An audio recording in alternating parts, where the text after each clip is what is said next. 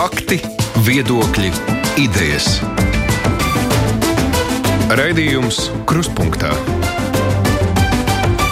ar izpratni par būtisko.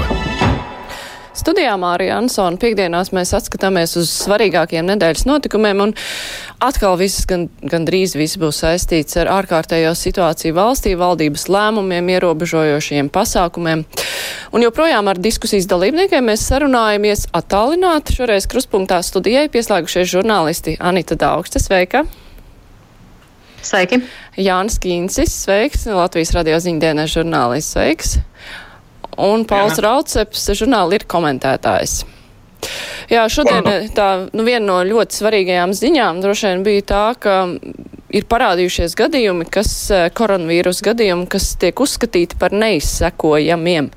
Bet vai jums bija ilūzijas, ka šādu gadījumu Latvijā nav, vadoties pēc tā, nu, kā notika gan testēšana, cik lielā mērā, kāds bija algoritms, kā izvēlās cilvēkus, kurus testē?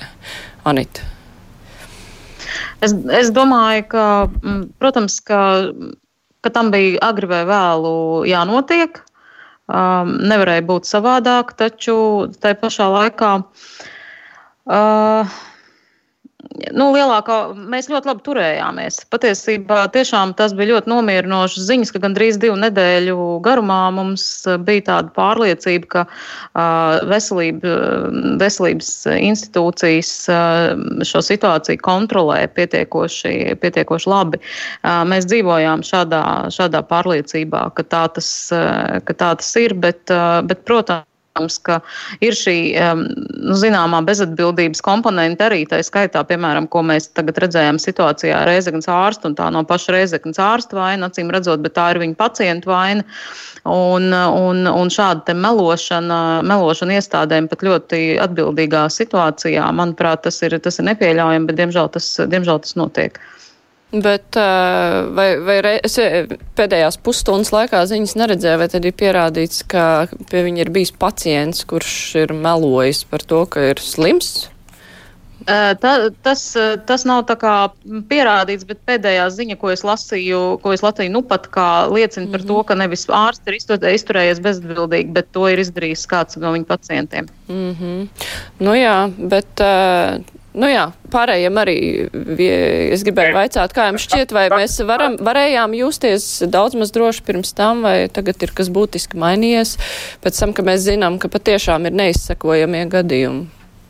Ne, nu tas, tas, ka tādu uh, ir un ka viņi parādīsies, tas bija pilnīgi skaidrs. To mēs redzam arī no visām pārbaudēm, kas notiek tajās retajās vietās, kur ir bijusi iespēja notestēt pilnīgi visus cilvēkus kādā Piemēram, ir viena, ir viena maza Itālijas pilsētiņa Lombardijā, kura, kurā tiešām visi iedzīvotāji notestēti. Un tur atklājās, ka viņiem bija 3%, kas bija inficēti, no kuriem pusi neuzrādīja nekādus simptomus.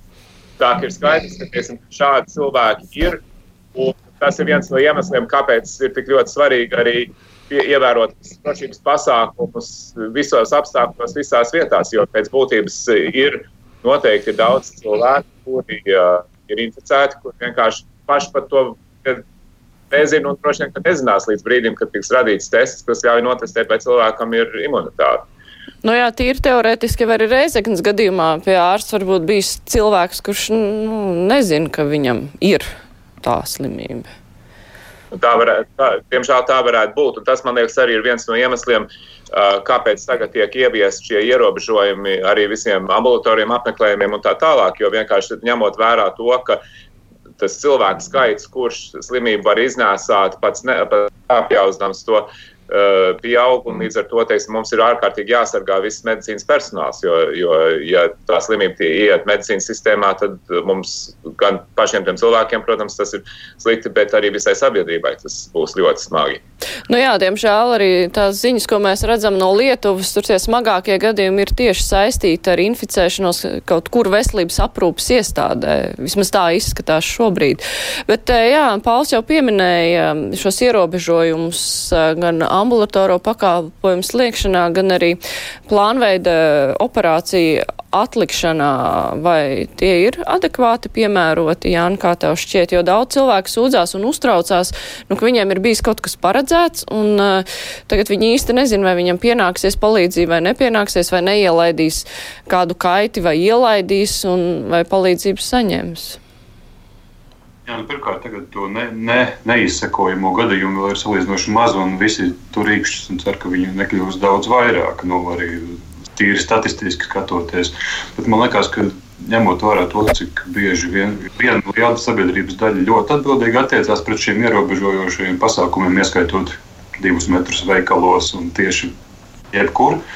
Un te ir apmēram tikpat liela daļa, iespējams, kuriem ir diezgan vienalga un kuriem vienkārši tos ignorē. Tāpēc varbūt ņemot vērā šos varbūt neatbildīgākos uh, sabiedrības pārstāvjus, varbūt šī ierobežošanas pasākumi vismaz kādam laikam ir pietiekami. Jo svarīgi laikam ir saprast, ka šī jācer ir īstermiņa krīze. Runa ir par dažām nedēļām vai dažiem mēnešiem. Tāpēc varbūt tie pasākumi, manuprāt, ir adekvāti, kas šobrīd tiek noteikti arī Veselības aprūpē. Nu jā, jo ir atšķirība, vai tie ir, tās ir nedēļas, par ko pagaidām runā, vai tie ir mēneši. Un uh, tas arī tas, ka cilvēki uztraucās, ka viņi nezina, kad īsti tad viņi tiks pie ārsta veiktās pārbaudas, uh, vai ir gaidāms, ka pēc kaut kāda laika nāks, uh, nezinu, kaut kādas citas saslimšanas ar lielāku joni. Anita. Es domāju, ka tas ir. Man, man, man liekas, tieši, tieši šajā gadījumā pirmkārt Man liekas, viena no svarīgām lietām, kas ir tagad aizvien vairāk jāuzsver un skatoties arī, kas notiek, piemēram, tajā pašā Itālijā, kur mēs redzam tos stāst, briesmīgos stāstus par to, cik daudz ārstu ir gājuši bojā. Tas arī sāk Amerikā parādīties, kur uh, izskatās, ka diemžēl varētu būt uh, tas. Tas slimības gaita varētu būt vissmagākā no, no gandrīz jebkuras valsts. Uh, ka mūsu viss kā sabiedrības viens no galvenajiem uzdevumiem šobrīd ir tieši pasargāt mūsu medicīnas sistēmu. Jo, ja tā, ja vīrus tiks ielaists tur un pārāk daudz mediķu saslims, tad jau arī nekāda šie plānveidi operācijas nenotiks. Tad vispār, teiksim, arī pat cilvēki ar akūtām problēmām netiks ārstēti tādā gadījumā. Tā, tas ir viens no galvenajiem uzdevumiem panākt, lai medicīnas sistēma var pārdzīvot šo laiku gan tiem cilvēkiem, kuriem šobrīd ir akūti nepieciešama palīdzība, gan arī, lai būtu cilvēki, kas ārstē tā, ka varēs arī ar tās pārveidu operācijas atsākt. Un no tā viedokļa man liekas, tas ir, tas ir, tas ir ārkārtīgi svarīgi, lai visu to, visu to saprastu un ievērotu. Ja, ja mēs uh, ja, ja vīruss sāks masveidā skart mediķus, tad nu, nekādas plānveida operācijas nebūs arī pēc gada vai diviem. Mm, Anita. Mm. Manuprāt, nu, man ir tas kopumā vedina uz tādām teju filozofiskām pārdomām par to, cik lielā mērā sabiedrības vairākums ir gatavs upurēties mazākuma, tā ļoti aizsargājumā mazākuma vārdā. Uh, jo ir, ir skaidrs, ka šis vīrus uh, prasīs jebkurā gadījumā uh, upurus, un mēs pat diezgan skaidri infektologi iezīmē to, kuri ir tie, kuras ir tās iedzīvotāju grupas, kuras ir pakļauts vislielākajam riskam. Un to grupu, šo grupu vārdā mēs esam pārējā sabiedrība gatavi, vismaz lielākā daļa arī pat citur pasaulē ir gatavi upurēties un ievērot šos ierobežojumus, lai, lai pasarg Dievs kaut kas, kaut kas nenotiek slikts. Un, Jautājums ir par, par to tālāko, cik tas, kas ir, kas ir neparedzams, cik ilgi kopumā uh, šie ierobežojumi būs jācieš un, um, būs jācieš, un vai tas uh, nenovedīs kaut kādā brīdī pie vēl smagākām sekām. Tas ir tas jautājums par to, ko tu minēji, um, par, um, par to, ka tie cilvēki, kuriem ir nepieciešams šīs plānveida operācijas, kas, kas, notiks, kas, notiks ar, kas notiks ar viņiem, vai viņi nekū, nekļūs par akūtajiem akūtajiem pacientiem, un vai mums nebūs uh, ar, ar šo milzīgu problēmu.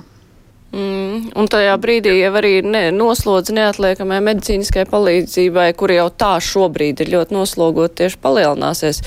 Nu, tas balans starp uh, dažādu jomu mediķiem, jo šobrīd ir tā, ka visvairāk strādā nu, tie, tie, tie dienesti, kas ir saistīti ar Covid-19. Tajā pašā laikā pārējiem tiek ieslēgta zināmā mērā dīkstāve. Nu, ne jau pilnīga, bet vairāk vai mazāk.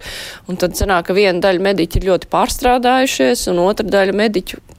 kaut ko gaida. Bet, no, jā, acīm redzot, tikai pēc kaut kāda laika varēs uh, redzēt, kā tas strādā un cik ilgi tie ierobežojumi būs.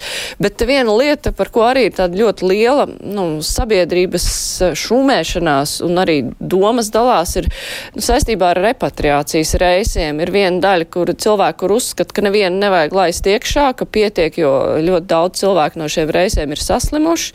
Turklāt vēl nepietiekami tiek uzraudzīts, uh, kā viņi tālāk pārvieto izvietojās, jo, ja no prāmjiem tur vēl tā aiz transporta koridors, tad no lidmašīnām tur bija vakar TV3 ziņās, ka dodās mierīgi uz 22. autobusu cilvēki, kur nav pārbaudīti.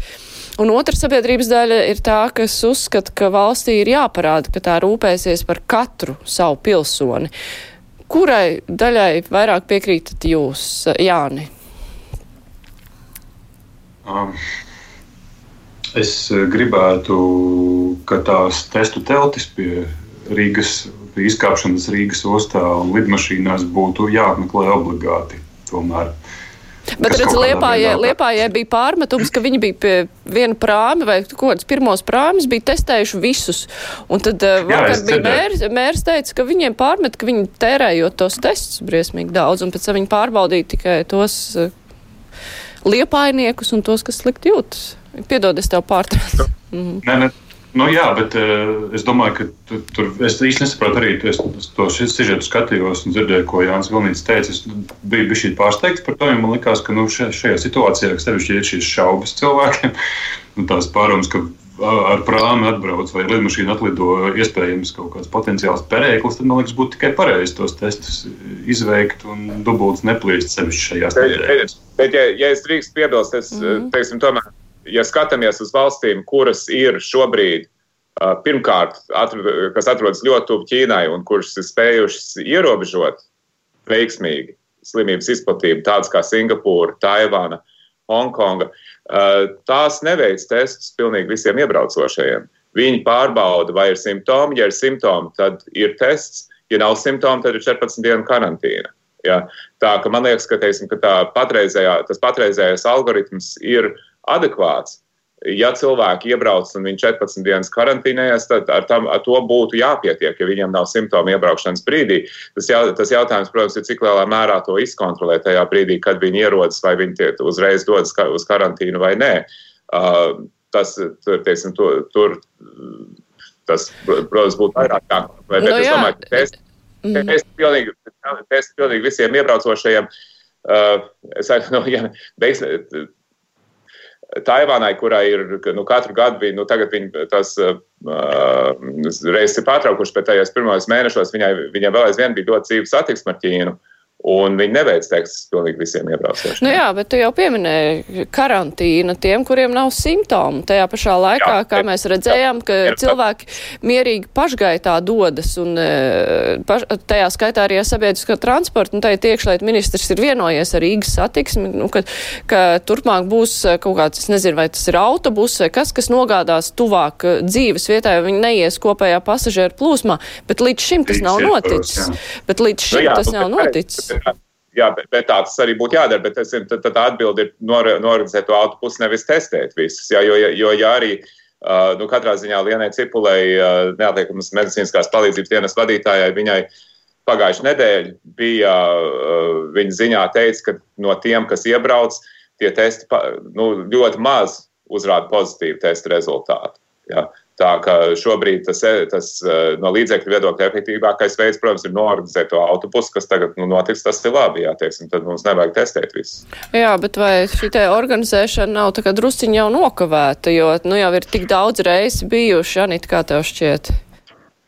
Ne, nu, no vienas puses, tas, ka tas ir nu, nokavēts, ne, nenozīmē to, ka to vispār nu, vajadzētu atcelt un, un atlikt. Es domāju, ka tas, ka tagad tiek, tiek organizēts tas un tiek domāts, kā šie cilvēki nokļūst līdz mājām, vai, vai tas ir kaut kāds īpašs konvojs, vai tā ir, vai tā ir kaut kāda teiksim, prasība parakstīt dokumentu par tūlītēju pašizolāciju vai, vai, vai savādāk. Tas jau ir, tas ir cits jautājums. Galu galā, es domāju, ļoti daudz cilvēku, kas iebrauc, viņi arī pietiekoši atbildīgi pret to izturās. Bet tas, pie kā es nekādā gadījumā negribētu, lai Latvijā būtu tāda situācija, piemēram, kāda ir, mm, kāda ir Ukrainā. Eh, tie Ukraiņi, kas repatriējās ar. Um, uz Ukrainu uh, no Latvijas. Uh, viņi, diemžēl, ar vilcienu, um, ar vilcienu viņi, piemēram, Kijevā nonāca absolūti neiz, nu, ļoti neapskaužamā situācijā, jo tā kā, tā kā vilcienā bija diezgan daudzi cilvēki ar 40 grādu temperatūru, kas norādīja uz to, ka viņiem iespējams ir Covid saslimšana, viņi vienkārši netika izlaist ārā no vilciena. Un, turklāt ļoti, ļoti ilgstošu laiku, un uh, Ukraiņas varas iestādes, diemžēl, šo jautājumu centralizēti nekā nerisinājis. Pat nezinu, kā šis jautājums līdz galam ir atrisinājies, bet, uh, bet diemžēl, um, diemžēl dažādās valstīs. Un, un tālūk būtu pilnīgi, um, pilnīgi tāda, nu, es teiktu, necilvēcīga attieksme pakļaut kaut kādai, nu, tādai, mm, nu, nu, tiešām ne, necilvēcīgai rīcībai šos cilvēkus, kas, um, kas repatriējas, un to, to nekādā gadījumā nedrīkst darīt. Jo es uzskatu, ka nu, valsts savus pilsoņus tomēr nedrīkst atstāt pilnīgā izmisumā uh, svešā valstī, uh, zinot to, ka ļoti daudzās valstīs ekonomiskā situācija tūlīt būs tāda, ka tur viņiem vienkārši nebūs ne darba, ne maizes. Jā, es, es Es piekrītu Anitai gan, par to, ka valstī to, tas ir valsts pienākums rūpēties par saviem pilsoņiem, Uh, ja, es domāju, ārlietu ministrija ir izdarījusi lielisku darbu, noorganizējot šos repatriācijas reisus. Man liekas, tas ir arī valsts, uh, tā ir valsts atbildība. Uh, bet tas, es nebiju dzirdējis par šo Ukraiņas gadījumu, bet tas, protams, ir pilnīgi nepieņemami. Un tas jau bija, bija redzams jau pirms mēnešiem, kas notiek ar tiem kruīzu kuģiem, ja, ko jau Pasaules veselības organizācija ir pateikusi, ka tas bija pilnīgi, tā bija ne, pilnīgi nepareiza rīcība, teiksim, atstāt kruīzu kuģis kaut kur reidā, lai tik visi tur aplipinās, un tad redzēsim, kas notiks. Ja, ka, ka tā nevajadzēja rīkoties un saprast, Ukraiņi ir izdarījuši to pašu vilcienu, un tā, tas, tas nav pareizi. Tajā pašā laikā vakar ziņās veselības ministrijas valsts sekretāri tomēr minēja, ka varbūt tomēr nav labi, ka repatriācijas reisi turpinās. Bet vai Latvija var kaut kā palīdzēt saviem cilvēkiem, nu, ja viņi atrodas kaut kur un, piemēram, viņam vairs nav darba tur un viņam nav varbūt dzīvokļi? Nu, kā Latvija viņam varētu vēl palīdzēt, ja neatgādāt mājās?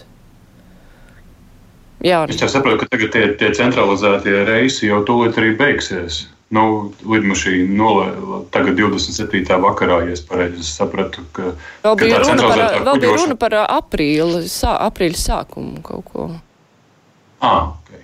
Bet, nu, jā, par to, kā var palīdzēt katram individuāli, tas ir labs jautājums. Es nezinu. Nu, tas, jā, mums, mums, es domāju, mēs, mēs vēl tikai taustāmies meklēt veidus, kā palīdzēt cilvēkiem, kas ir uz vietas ekonomiski, kas būs zaudējuši darbu. Un, un, jo tas, tas, cik ilgi šī krīze ilgs un cik liela būs nepieciešama nauda, lai noturētu gan uzņēmumus, uh, pie dzīvotspējas, gan arī cilvēkiem nodrošināt iespēju eh, sagādāt savu iztiku, tas vēl ir tas liels jautājums. Liels jautājums. Es, es personīgi, es, protams, negribu būt pesimistisks, bet es domāju, ka pat ja mēs spēsim slimības uh, izplatību ierobežot mūsu valstī, Un es, es skatos uz to, kā, kā rīkojas atbildīgie dienesti, un es domāju, ka mums ir iespējas to izdarīt. Bet tas nenozīmē, ka citi to paspēs. Uh, Un mēs būdam atkarīgi no eksporta. Tomēr, ja būs lielas valstis eh, Eiropā, Ziemeļamerikā, Āzijā, kurā, kuras nespēs šo problēmu atrisināt tik, tik veiksmīgi, tad tā vai tā mūsu ekonomika cietīs no tā. Mm. Nu, par ekonomiku vēl mazliet vēlāk un par valdības pasākumiem ekonomikas stiprināšanai, ne, bet uzturēšanai. E, vēl ir e, jaunākie valdības lēmumi, kas saistās ar ierobežošanu, ir e, liegums slēgt tirdzniecības centrus brīvdienās, atstājot tikai pārtikas veikals, dzīvnieku pārtikas veikalus, dārzkopības preces un kaut kas vēl tur bija. Bet, nu, karā ziņā visas tās, visi veikali, kas ir tirdzniecības centros, centros un neatiecas uz ā, un, jā, aptiekas un arī tās higienas preces. Tas ir labs lēmums, ar to pietiks, vai varbūt tomēr vajag šos veikals ierobežot visu nedēļas garumu? Nu, patiesībā es uzskatu, ka lēmums svētdienās slēgt lielos tirdzniecības centrus, es pieņemu, ka tas bija pat, nu, tas ir, tas, tas ir kopumā labs lēmums. Es pat pieņemu, ka pēc ārkārtas situācijas beigām iespējams tas arī būtu jāatstāj spēkā līdzīgi, kā tas ir ļoti daudzās Eiropas valstīs.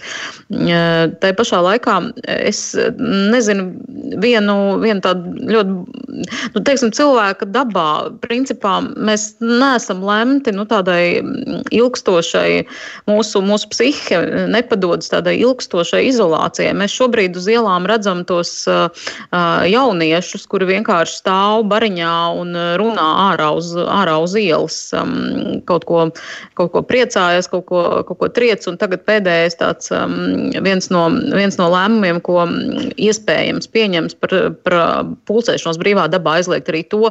Bet es nezinu, uz cik ilgu laiku uh, tas būs vispār iespējams. Nu, kā, eh, kā mēs varam pašu, teiksim tā, apspiest, apspiest cilvēka dabu un tik ļoti satraumēt, eh, satraumēt viņa psihi, lai viņš vispār neveiktu nekādas tam līdzīgas, eh, tam līdzīgas darbības. Bet tajā pašā laikā nu, valstīs, kur ir patiešām viss slikti, ja mēs skatāmies Itāliju, Spāniju, kur nu, cilvēki jau ir, tur droši vien ir pieņēmuši to, ka viņi nekur varbūt viņi paši arī baidās kaut kur iet, un ko vēl mēs introvertie latvieši dienvidos cilvēki ir daudz sabiedriskāk, mūs sauc par augstiem un nesabiedriskiem, un ja pat mēs nevaram izturēt šo nedistancēšanos, tad jautājums, kurš vispār var, bet, nu, jā, pa tiem diviem cilvēkiem var jau to noteikt, bet jautājums, kā to izkontrolēt?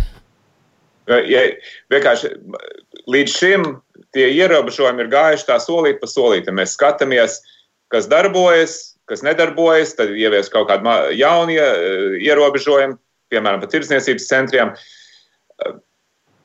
Līdz šim tas ir labi darbojies, bet ir iespējams, ja tiešām atklāsies, ka tur sāk uh, gadīties smagas saslimšanas gadījumi, kuru, uh, to, nu, kur izcelsmes nav iespējams atklāt, ka vajadzēs uz kaut kādu noteiktu periodu tiešām ievies ļoti stingrus ierobežojumus. Jo tas galvenais ir panākt, lai tas, lai tas vīrus tomēr tiek, nu, lai viņš, lai viņa tā izplatīšanas tas ātrums ir, tiek pietiekami kontrolēts, lai mēs katru gadījumu tomēr varam izkontrolēt. Tad, kad tas būs iespējams, Un tas ir tas, ko ir izdarījuši. Es atkārtoju gan, gan Dienvidkorejā, gan, gan Singapūrā, gan Taivanā. Viņi spēja pēc būtības katram gadam, gadījumam izsekot, kas ļauj visus tos ierobežojumus tomēr sakoncentrēt mazās grupās un ļaut pārējiem to lielāko brīvību. Bet, ja, ja, ja izrādīsies, ka tas vīrus ir izsprucis, tad tomēr uz pāris nedēļām ļoti stingri ne, tie ierobežojumi būs nepieciešami. Un tad varēs atkal tā pa solītiem atkal laist brīvāk. Bet tas, ja mēs to neizdarīsim, tad atkal draud šī tā, tā medicīnas veselības aprūpas sistēmas noslīcināšana pacientos, un to mēs nevaram atļauties. To mēs nevaram atļauties. Jā, nu. Jā nu, vēl man liekas, ka visā šajā, ņemot vērā to ažiotāžu un to, cik, cik daudz, cik tas ir svarīgs, temats šobrīd to vīrusu nelaist tālāk un plašāk un nedodies tiešām nekontrolējami.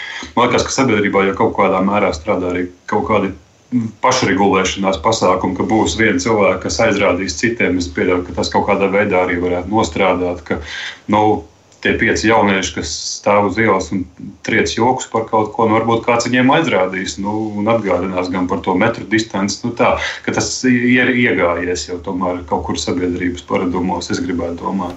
Bet tā jums klausītājs raksta tā, ka Singapūrā par pandēmijas laikā noteikto pasākumu neievērošanu sodi ir vairāk tūkstoši eiro.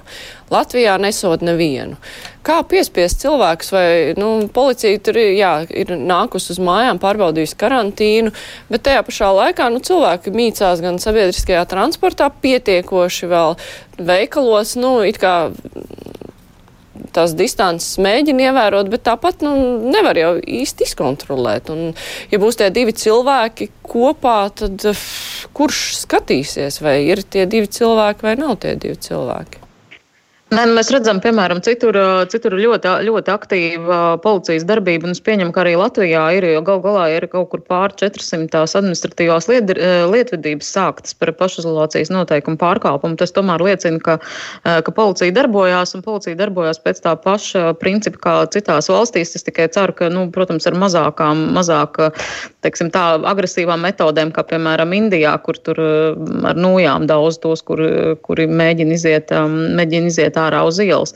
Um, taču tajā pašā laikā nu, mums ir arī ir tāds viens, um, es teiktu, nelabvēlīgs gadījums, kur iespējams bija jāizturās ar, ar lielāku bar, bardzību, tā teikt, rādot pat, pat piemēru. Mums šajos apstākļos uh, viens deputāts uh, pēc būtības paralizēja, paralizēja saimnes darbību. Tajā pašā laikā nu, tā attieksme bija pret viņu visnotaļ, um, visnotaļ tāda piedodoša. Uh, nu, varbūt ir zināmi kaut kādi, kaut kādi apstākļi, kāpēc, kāpēc viņi tur um, nedrīkstēja aiztikt, bet, nu, ja veselības ministra apgalvoja, ka uh, minētais deputāts melo, tad, uh, tad es domāju, tas tomēr savā ziņā ir ļoti, ļoti, ļoti slikts signāls visai sabiedrībai. Šis fakts, ka, ka attiecībā uz pret viņu nekādi, nekādi, ne, ne ar kādām tiesiskām metodēm neviens nevērsās. Nu, Jā, tā kā, e, e, Paulis, bišķiņ tev pārtraukšu, es, e, tā kā Anīta pieskārās šim tematam, mēs to mazliet plašāk izvērsīsim, bet es tad pirms tam atgādināšu klausītājiem un skatītājiem, ka šodien mūsu diskusijā attālināti piedalās žurnālisti Anīta Daugsts, žurnālists Jānis Kīņcis no Latvijas radio un Pauls Rauceps, žurnāli ir komentētājs. Mēs tūlīt arī turpināsim ar Anītas aizsākto tematu par vienu deputātu. Raidījums Krustpunktā. Jā, Anita minēja, ka attieksme bija visnotaļ piedodoša, bet vai tiešām bija piedodoša, Paula? Nē, nu, katrā ziņā viņās bija rakstīts, ka pret deputātu kaimiņu es uzdrošināšos viņu nosaukt vārdā. nu jā, mēs jau visi zinām, par ko ir runa gal galā. Nu, jā, jā, jā, bet viens deputāts, nu, Artus Kaimiņš bija eh, ārprātīgi bezatbildīgs savā uzvedībā, tā nedrīkstēja darīt, un es saprotu, ka policija ir uzsākusi uh, izmeklēšanu. Nu, tad uh, es ceru, ka, ja, ja atklāsies, ka viņš tiešām ir rīkojies apzināti bezatbildīgi, tad viņš arī tiks sodīts par to. Nu, tā tam būtu jābūt. Un par to, nu, jā, es par, par pārējo politiķu to attieksmi, nu, tur Jā, nu, būtu labāk, ja izteiktos skaidrāk. Nu, veselības ministrs vismaz izteicās pietiekami skaidri. Nu, tas ir vismaz kaut kas. Mm -hmm. Kā viņš būtu jāsoda? Jā, tur tiešām pierādās, ka viņš ir par... vajadzētu, piemēram, nu, es, es lasīju atkal, manuprāt, ja es nemaldos, portālā Delfi bija, um, bija Sanīts Uplējs, uh, Sanīts, Sanīts Uplējs raksts par to, kur, kur bija aptaujā, aptaujāt koalīcijas partneri un, un viņu tajos izteikumos, nu, es mm, manīju tādu, tādu ļoti samierniecisku attieksmi pret, uh, pret deputātu kaimiņu.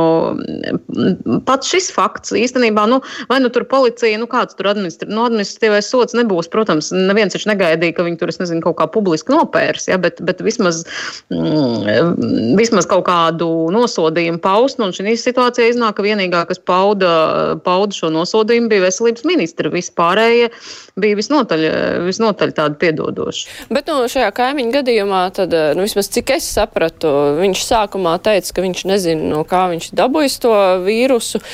Eh, nesot eh, ne ar vienu kontaktējies, un pēc tam parādījās ziņa, ka viņš tomēr ir kontaktējies ar kādu saslimušo, un pēc tam vēl pāris dienas, jo nav, tā teikt, ir zvanījis, nav uzzinājis, ko pašam darīt, ir mierīgi staigājis apkārt, tad tas ir tas viņa pārkāpums, ka viņam bija aizdomas, ka viņam varētu būt, bet viņš nepalika mājās. Tā tas ir jāsaprot. Jā, mm -hmm. Tas viens, otrs ir, kad viņš eh, centās radīt iespēju, ka viņš nav bijis ārzemēs, lai gan viņš bija bijis ārzemēs. Nu, viņš bija Lietuvā, kur... bet tas bija tajā laikā, vismaz eh, arī kā ziņās es lasu, ka viņš bija Lietuvā, bet tajā laikā, ka tur vēl bija gadījumi tikai daži, un tajā laikā uz Lietuvu iepirkties brauc uh, kaudzēm cilvēku vienkārši. Nu, tieši, bet, eh, bet man, manuprāt, tas bija arī laiks, kad, eh, kad visas veselības iestādes eh, aicināja nedoties uz ārzemēm, nu, ieskaitot valdību, kur teica, nebrauciet uz ārzemēm. Nu, es, es saprotu, nu, Lietuva tomēr šava savā ziņā ir ārzemes, lai kā mēs uz to nepaskatītos. Nu, jā, bet jā, varētu sākt ar to, ka, varētu sākt ar to, ka Artus Kaimiņš varētu pats izstāstīt, ko viņš īsti pa dienām un datumiem, kur bija, ko darīja, ko stāstīja. Un, un, un ņemot vērā to, ka tas jautājums tāds pietiekami kutelīgs, varbūt jā, publiska atvainošanās vai kas tāds arī nebūtu par skādi. Mm. Nē, nu visā šajā stāstā man vismaz arī nav īsti skaidrs, ka viņš, kā arī tika ziņots, ir bijis uh, infekcijas slimnīcā pat pam, pa vidam, bet eh, kāpēc viņš nav pārbaudīts uz, eh, jo tomēr, nu, deputāts eh, tā ir uzskatām par, nu, tādu īpašāku grupu, jo viņš var aplipināt saimu, kā mēs to tagad redzam, un paralizēt darbu, un tajā pašā laikā tad ārzemēs viņš ir bijis, un neviens nav paņēmis analīzes, vai viņš nav saslims. Vajadzēja. Tas ir palaists garām, vai viņam pašam vajadzēja būt ar lielāku iniciatīvu? Nu, ja pareizi saprotu, viņam tika uzstādīts cits diagnoze tajā, tā, ka viņš bija tajā infekcijas slimnīcā. Es domāju, ka tur man, to no malas man liekas ļoti grūti. Mums, kā žurnālistiem, kas vispār ne mēs esam ārsti, ne mēs redzam teiksim, tos konkrētos uh, mm. simptomus, kas viņam tajā laikā bija, nu, man liekas, ir diezgan grūti tā spriest, vai tajā brīdī bija viņam jāņem analīze vai nē. Nu, tas to, lai tad uh, izspriež. Uh, Eh, ārsti, kas, kas tur strādāja un kādu, kas viņus uzrauga. Bet, bet katrā ziņā ir skaidrs, ka tajā brīdī, ja viņam radās aizdoms, ka viņam pašam var, eh, ir tā slimība, nu, no tā brīža viņam vajadzēja iet pašizolācijā. Nu, tas ir pilnīgi skaidrs.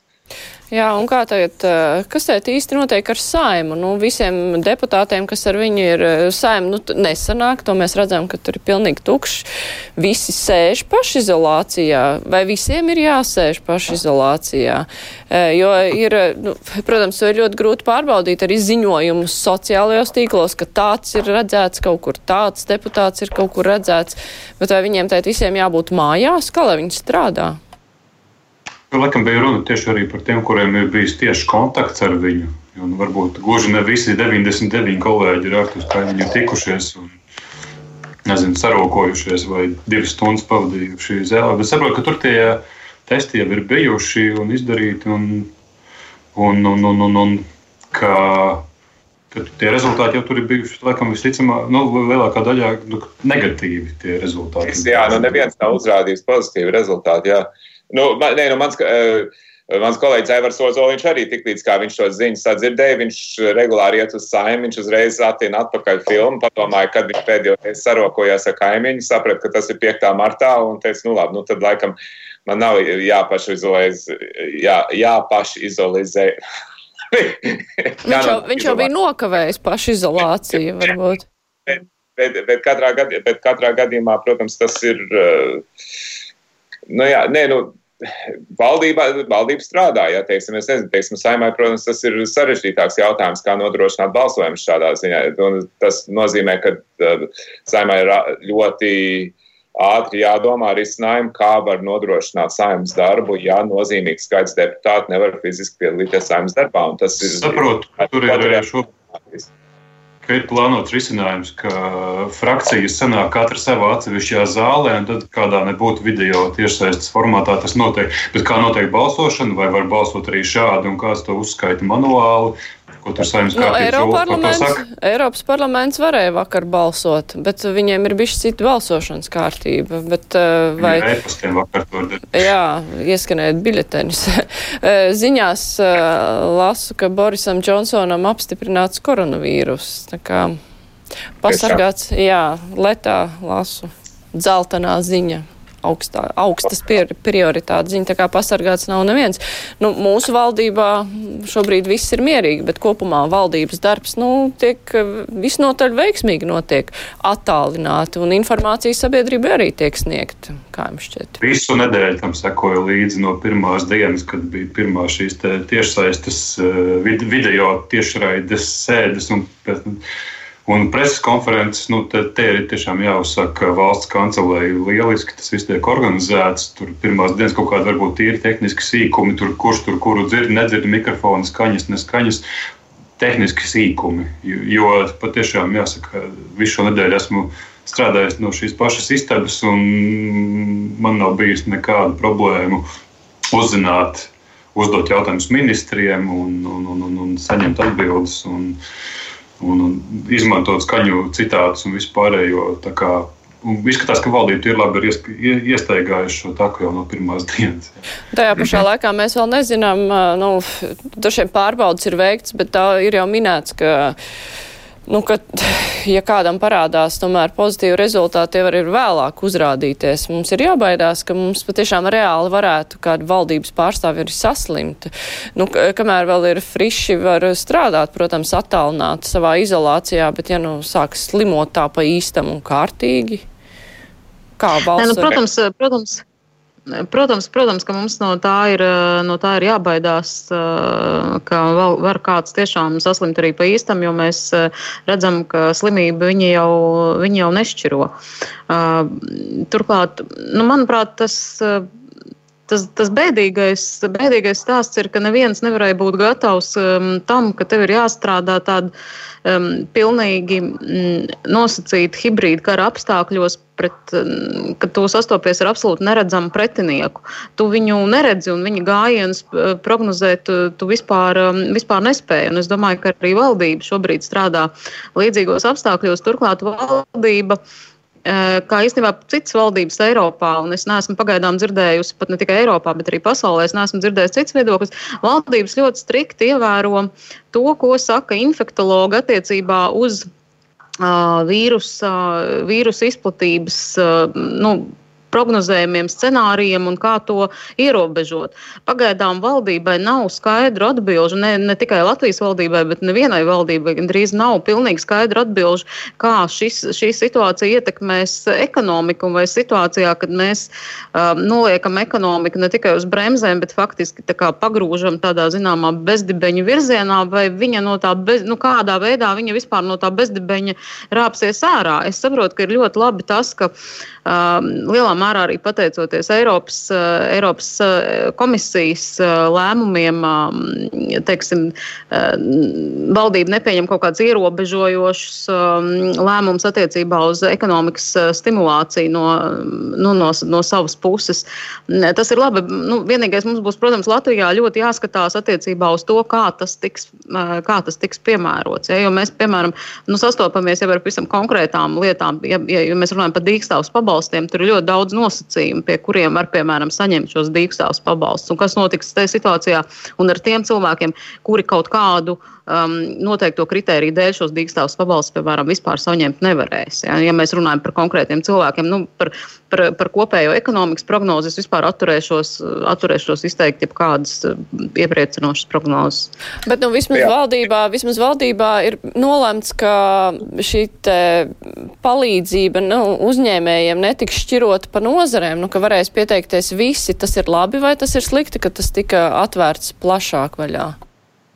Tas, ne, tas noteikti ir labi, jo ir skaidrs, ka, ka mēs, protams, ir tās jomas, kuras ir ļoti cieši saistītas, no kur ir valdības lēmums, un pilnīgi skaidrs, ka tas līdz ar to kādai nozarei aiziet ciet biznesa. Par to, par to nav šaubu, bet ir, skaidrs, bet ir tikpat skaidrs, ka ir ļoti daudzi uzņēmumi, kuri, uh, kuri tiek skarti. Uh, kuriem būs ļoti grūti nākamos mēnešos un kuriem ir jāpalīdz. Un tos nevar šķirot pa nozarēm, jo ir iespējams, ka cits uzņēmums tajā nozarē varbūt kaut kā atrod kaut kādu nišu, ja atrodas jau kādā nišā, kur tas iespējas nav tik, tik spēcīgs, bet ir citi, kuriem tā palīdzība ir nepieciešama. Ir arī, man liekas, ļoti svarīgi šķirot. Uh, tie dīkstāves pasākumi ir ir, tā ir palīdzība cilvēkiem, bet ir, ir arī palīdzība uzņēmē, uzņēmumiem, lai tieši šie uzņēmumi spēj pārciest šo laiku. Uh, ir citas, ir citas uh, Būs arī uzņēmumi, kuriem iespējams nu, viņiem nevarēs kā uzņēmumiem palīdzēt, bet tur noteiktiem darbiniekiem jebkurā gadījumā būs jāpalīdz. Vai nu ar bezdarbnieku pabalstiem, vai ar kādu citu veidu pabalstiem. Un es uh, skatoties uz to, kā šis notiek, man liekas, mums šī nav normāla ekonomiska krīze. Viņai nav nekāda sakara ar normālu ekonomisku krīzi. Tas ir drīzāk, ja mēs domājam konceptuāli, šī situācija ir drīzāk pielīdzināma kara laikam, kur vienkārši ir notiek. Uh, uzbrukums valstī, un tā to var nosaukt. Ja, pat ja tas nav kaut kāds tāds ienaidnieks ar uh, apziņu un, un uh, izstrādātu stratēģiju, uh, Un uh, vienkārši ir jārēģē at, uh, atbilstoši. Un tas nozīmē, ka pirmkārt uh, valsts loma visā šajā krietni pieaug, un tas otrs ir, ka ne, uz šo situāciju nevar vairs attiecināt kaut kādas tādas normālas domāšana par budžeta deficītiem un, un tā tālāk. Jo, jo, ja mēs skatāmies nu, kara laikā, dara visu, lai nonāktu līdz uzvarai. Tur nauda sevišķi tādā ziņā neskaita. Un, uh, es apskatījos dažu uh, statistiku Amerikā. 1943. gadā, otrā pasaules kara laikā, viņiem budžeta deficīts tajā gadā bija 27% no IKP. Ja? 27% padomājiet par to. Mums, mums eh, līdz šim 3% no Eiropas komisijas bija tas līmenis, ko nevarēja pārsniegt. Tur, tur ir deviņi reizes vairāk bija vienu gadu. Ja. Eh, es, es ar to neaģitēju par to, ka, tā, ka mums būtu uzreiz jāiet uz tādiem, nu, uz tādu deficītu, bet vienkārši ir jāapzinās, ka uh, kaut kādā brīdī ir jāsaprot, ka tas galvenais ir glābt to, kas ir glābjams, un tur tā, tās naudas skaitīšana to var darīt pēc tam. Bet ko darīt ar eh, nu, individuāliem cilvēkiem? Manīt jau pieminēja, ka pirmkārt eh, tie, kas var saņemt eh, kaut kādu palīdzību, ir darbinieki no uzņēmumiem, nu, kas var saņemt šo dīkstāvus pabalstu, kuri maksājuši nodokļus. Bieži vien nu, tas nav atkarīgs no darbinieka, vai tas uzņēmums ir maksājis nodokļus vai nav. Tieši tāpat arī pašnodarbinātie, kuri atrodas patiesībā pietiekoši smagā nodokļu režīmā, jo viņi maksā faktiski pilnus nodokļus, tāpat kā jebkurš cits uzņēmums, izņemot sociālo, kuru viņi var mazā, maksāt mazāk, nevis no pilnās algas. Tomēr šis nodokļu soks ir ļoti liels. Par viņiem nav šobrīd domāts nekas un ir tikai tā pieminēts, nu, ka varbūt, jā, ka saistībā ar kaut ko no, caur labklājības ministriju to lems. Vai par to ir pietiekoši domāts, kā palīdzēt cilvēkiem, nu, tīri individuāli, kuri tad neies apakšā tai palīdzībai, ko var saņemt? Jāni.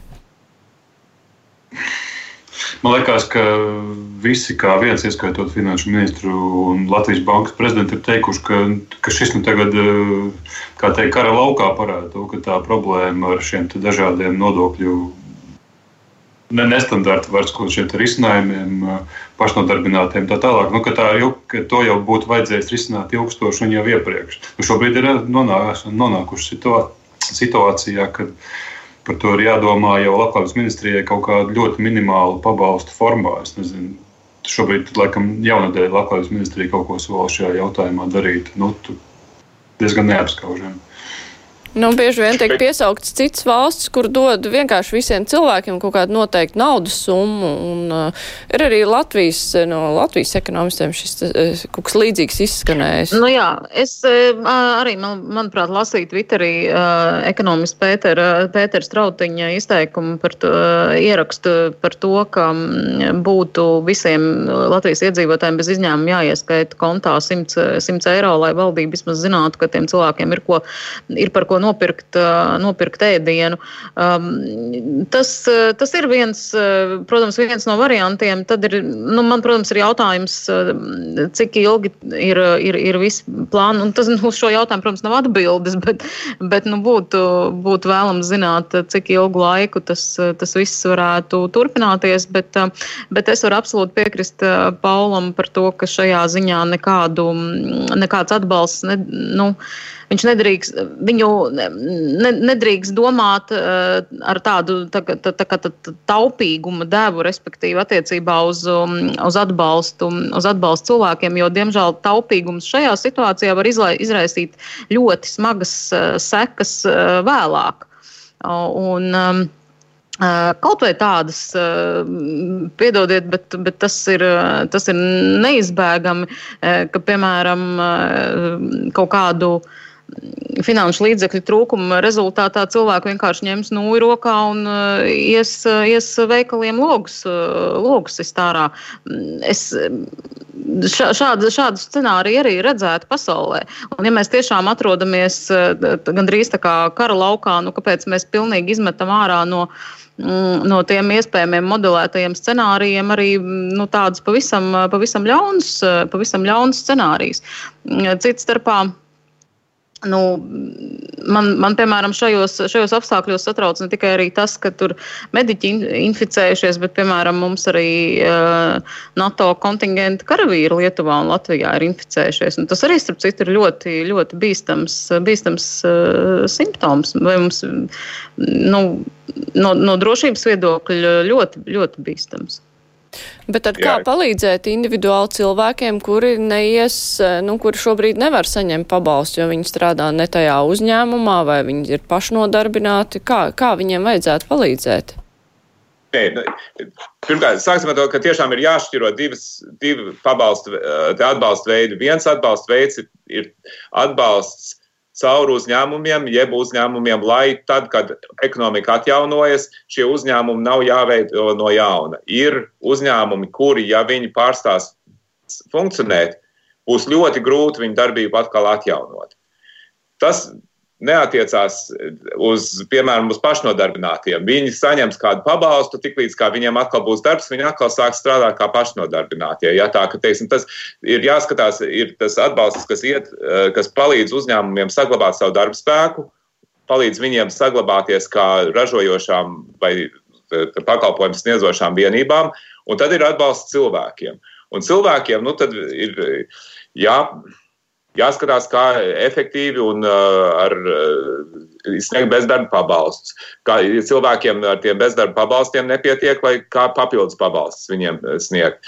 Nu, te, teiksim, tas, ir, tas ir atbalsts konkrētiem cilvēkiem, lai viņi šo laiku pārdzīvo, un tas ir, tas ir cits kaut kas nekā atbalsts uzņēmumiem. Es domāju, ka te visu laiku tā kā tāda pārklāšanās, ka mē, nu, kā mēs palīdzēsim tiem cilvēkiem caur šiem dīkstāvs uh, maksājumiem. Uh, dīkstāvs maksājumi ir, lai saglabātu uzņēmumu kā ekonomisku veidojumu lai tie cilvēki neaiziet jau bezdarbniekos. Jo tiklīdz viņi aizies bezdarbniekos, viņus būs daudz grūtāk tam uzņēmumam atkal dabūt atpakaļ pēc tam.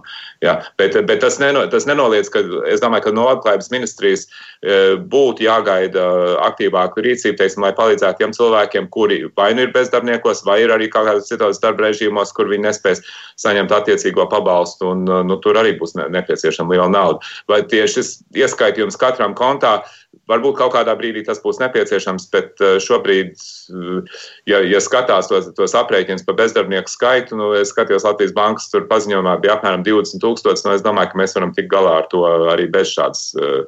Eh, nu, teiksim, tā universālā nodrošinātā ienākuma, jeb, kā, jeb kaut ko tam līdzīgu.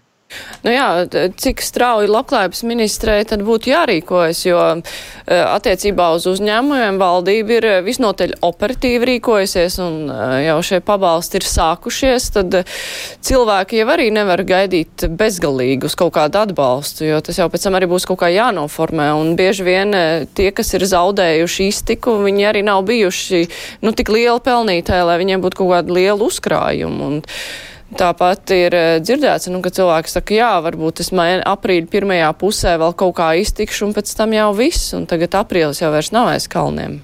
Cik ātri ir jārīkojās šai ziņā? Nu, šai ziņā ir jārīkojas eh, pietiekoši ātri, eh, bet tas ir arī jautājums, ka valdībai ir eh, pilnīgi godīgi jāatbild uz jautājumu, cik ilgi viņi plāno un jāmin kaut kāda realistiska cipara attiecībā uz šo ārkārtas, ārkārtas situāciju. Jo, ja mēs šodien skatījāmies Eiropas parlamentu lēmumu attiecībā uz Eiropas gaisa telpu, kurā, kurā tiek veikt pārmaiņas līdz 24. oktobrim. Ja? Tas, ir, um, tas ir mums šobrīd liekas nerealistisks cipars, kā, kā līdz tādam brīdim vispār kaut kas varētu teiksim, nebūt, eh, nebūt kārtībā. Bet es domāju, ka valdībai jau šobrīd ir jā, jā, jāapzina visi resursi un jāmin kaut kādi realistiski skaitļi, eh, līdz kuram brīdim būs šī ārkārtas situācija. Jo ja šeit ir runa par mm, laiku līdz 14. aprīlim, tad, protams, ka nav jēgas runāt par kaut kādiem vēl tur papildus papildus pabalstiem vai, eh, vai 100 eiro ieskaitīšanu. Bet, ja runa ir par, um, es nezinu, tur um, jūniju, vēl, vēl, vēl kaut kādiem, tad, uh, nu, tad, tad tie lēmumi ir jāpieņem tiešām tūliņ. Es, es, es gan te druskuļi oponētu, es domāju, ka nav iespējams pateikt, cik ilgi šis ilgs. Vienkārši to nav iespējams pateikt. Pirmkārt, tāpēc, ka mēs nezinām, mēs esam tikai slimības izplatības pirmajā fāzē, gan mūsu valstī, gan arī citās valstīs. Uh, Tā ka mēs nezinām, kāda būs tā līkne un kad, un kad varēs pateikt, ka tas viss ir ierobežots. Un otrs ir, mēs, mūsu ekonomika sevišķi ir ļoti atkarīga no tā, kas notiek citās valstīs. Un pat ja valdība var pateikt ar kaut kādu pārliecības uh, koeficientu, ka jā, ka mēs, sevi, ka mēs Latvijā divu mēnešu laikā ar, šito tiksim galā, tas nenozīmē, ka, piemēram, Zviedrijā viņa to divu mēnešu laikā tiks galā, vai Vācijā, vai Francijā, vai Anglijā, vai, vai citās vietās. Un tas arī mūs ļoti, ļoti ietekmēs. Tā kā drīzāk, ko es gaidītu no valdības, ir kaut kāds tāds atskaites punkts, ka viņi pateiktu, šīs ir tās lietas, kuras mēs mēģinām sasniegt, un kad, tad, kad tas būs, tad mēs varēsim spēlēt tādus soļus. Bet, bet ielikt to kaut kādā laika rāmī šodien, es domāju, ka pilni neviens nespēja. Un tas būtu, ja kāds kaut ko tādu sola, tad, tad tā ir vienkārši tāda diezgan nu, abstrakta dzīvēšana. Neviens nevar pateikt, cik ilgi tas viss ilgsies. Nu jā, arī Latvijas bankas prognoze par 6,5% ekonomikas kritumu ir arī ar piebildi, tad, ja pēc tiem dažiem mēnešiem, dažu mēnešu laikā tā situācija normalizējas un, un, un, un, un jau gada otrā pusē ekonomika atkal sākt augt. Jā. Bet, eh, nu jā, tikai piebilstot par 14. aprīli vai pēc tam, nu, epidemiologi jau saka, ka simt, gandrīz skaidrs, ka tas eh, ārkārtējais stāvoklis valstī būs jāpagarina. Bet, eh, nu, tūlīt ir aprīlis, ir sanāk nu, mazliet vairāk par divām nedēļām, kad būtu jābeidz ārkārtējiem stāvoklim. Un varbūt tiešām vajag pateikt godīgi, ka ir jārēķinās ar ilgāku laiku, jo, lai, lai arī tas cilvēks varētu sabiedēt tajā pašā laikā, nu, lai viņi zina, ar ko rēķināties, jo arī gan jautājumā par veselības aprūpas pakalpojumiem, gan visu citu tiek minēts, nu, Tas jau nav tik ilgi. Tas jau ir tikai pagaidām līdz aprīļa vidum, bet mēs taču saprotam, ka tas nebūs līdz aprīļa vidum.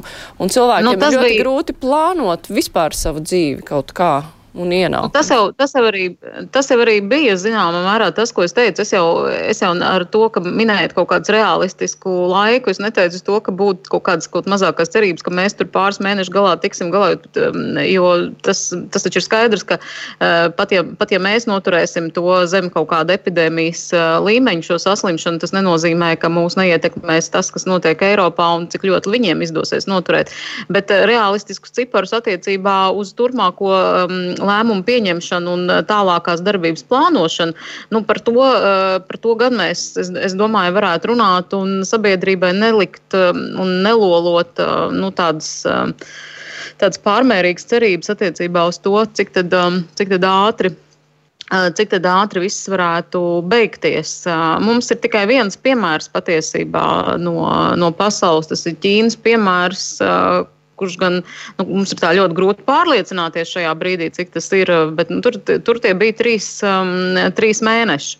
Nu, attiecībā uz šo Uhaņas, uh, Uhaņas pilsētu jautājums, kas noprie, no, notiek šobrīd Ķīnā, nu, tas, tas ir jautājums, bet ierobežojošais režīms tur ļoti daudzās citās vietās joprojām, joprojām tiek saglabāts. Līdz ar to nu, trīs mēneši tas ir tāds ļoti aptuvens, aptuvens cipars, par ko mēs varam runāt. Bet nu, šobrīd, ja es domāju, būtu pēdējais laiks pateikt, ka 14. aprīlis tiešām nebūs tas datums, kurā būs kaut kas principiāls un būtisks atrisinājies. Jā, nu, Uhaņā tikai šonadēļ ļoti, ļoti piesardzīgi un pakāpeniski sāk dot cilvēkiem nedaudz lielāku brīvību iziet no mājām. Tikai tagad tajā pašā pilsētā, provincē, ir jau drusku lielāka brīvība, bet pašā pilsētā pēc būtības viņi vēl aizvien ir ļoti ierobežoti. Un e, ņemam vērā, ka vakar Ķīna arī paziņoja, ka viņi slēdz robežas. Ja? Tā ka, lai gan no vienas puses viņi ir spējuši iekšzemē, viņi vismaz viņi tā visiem stāsta, spējuši ierobežot, lai nodrošinātu, lai neienāk no ārpuses, viņi ir tagad slēguši robežas visiem uh, ārzemniekiem. Tas nozīmē, ka nu, teiksim, tas atkal pasaules ekonomikai nenāks pa labu šī ceļošanas ierobežošana. Tā ka, tā, ka tas viss, eh, tas process nebūs ātrs. Jā, ir ko piebilst. Mums ir palikusi tikai viena minūte, un man ļoti gribējās eh, iziet arī drusciņu laukā no šī te Covid-19 temata, jo arī ziņās, ja kādreiz ierauga, ka, o, ir arī citas ziņas, ne tikai par koronavīrusu, bija pat Twitterī joks, kas to būtu domājis, ka man kādreiz iepriecinās raidījums degpunktā, tur nerunā par koronavīrusu. Bet, nu, viena minūte palikusi. Indrits Mužnieks, kurš apstiprināts eh, rektora amatā Latvijas universitātē, kā jums šķiet tas lēmums valdībā eh, tika pieņemts, eh, tāpēc, ka ir svarīgākas lietas, par ko domāt, un nav ko, vai arī tāds viņš būtu pieņemts arī jebkurā gadījumā. Ja var tādu kādu īstu pavisam versiju pāli, piemēram, tam. Nu, man liekas, ka tur, protams, valdībā nebija vienprātības arī par lēmumu, par to vēlmi pārsūdzēt šo lēmumu. Es, es personīgi uzskatu, ka tas, kā tas viss notika Latvijas universitātē, tikai pierāda to, ka ir nepieciešama ļoti kardināla universitātes pārvaldības maiņa. Jo teiksim, gan tās vēlēšanas, gan viss, kas, kas notiek pēc tam, un arī uh, tās problēmas, kas ir pašā universitātē, liecina, ka tur nu, ar, ar labu pārvaldību tur mēs esam diezgan tālu no tās. Uh, bet es domāju, ka tas atspoguļo zināmā mērā arī politiskās domstarpības pašā, pašā valdībā un uh, Šuplinskas kundze, kas uh, šo jautājumu bīdi uz priekšu, viņi nevarēja vienkārši dabūt vairākumu vairs eh, tādam. Jā, cik jauki dzirdēt vārdu salikuma politiskās domstarpības, cik brīnišķīgs bija diskusijas par Rīgas domas vēlēšanām un tam līdzīgi. Gan jau mēs pie tā arī atgriezīsimies. Es saku paldies žurnālistē Anitai Daugstē, Paulam Raucepam, Jānim Kincim. Kruspunktā šodien izskan, un šonadēļ redzējumu producēja Evi Junām, studijā bija Mārija Ansona. Vislab, mēs tiekamies arī pirmdien. Fakti Viedokļi, idejas. Raidījums Krustpunktā ar izpratni par būtisko.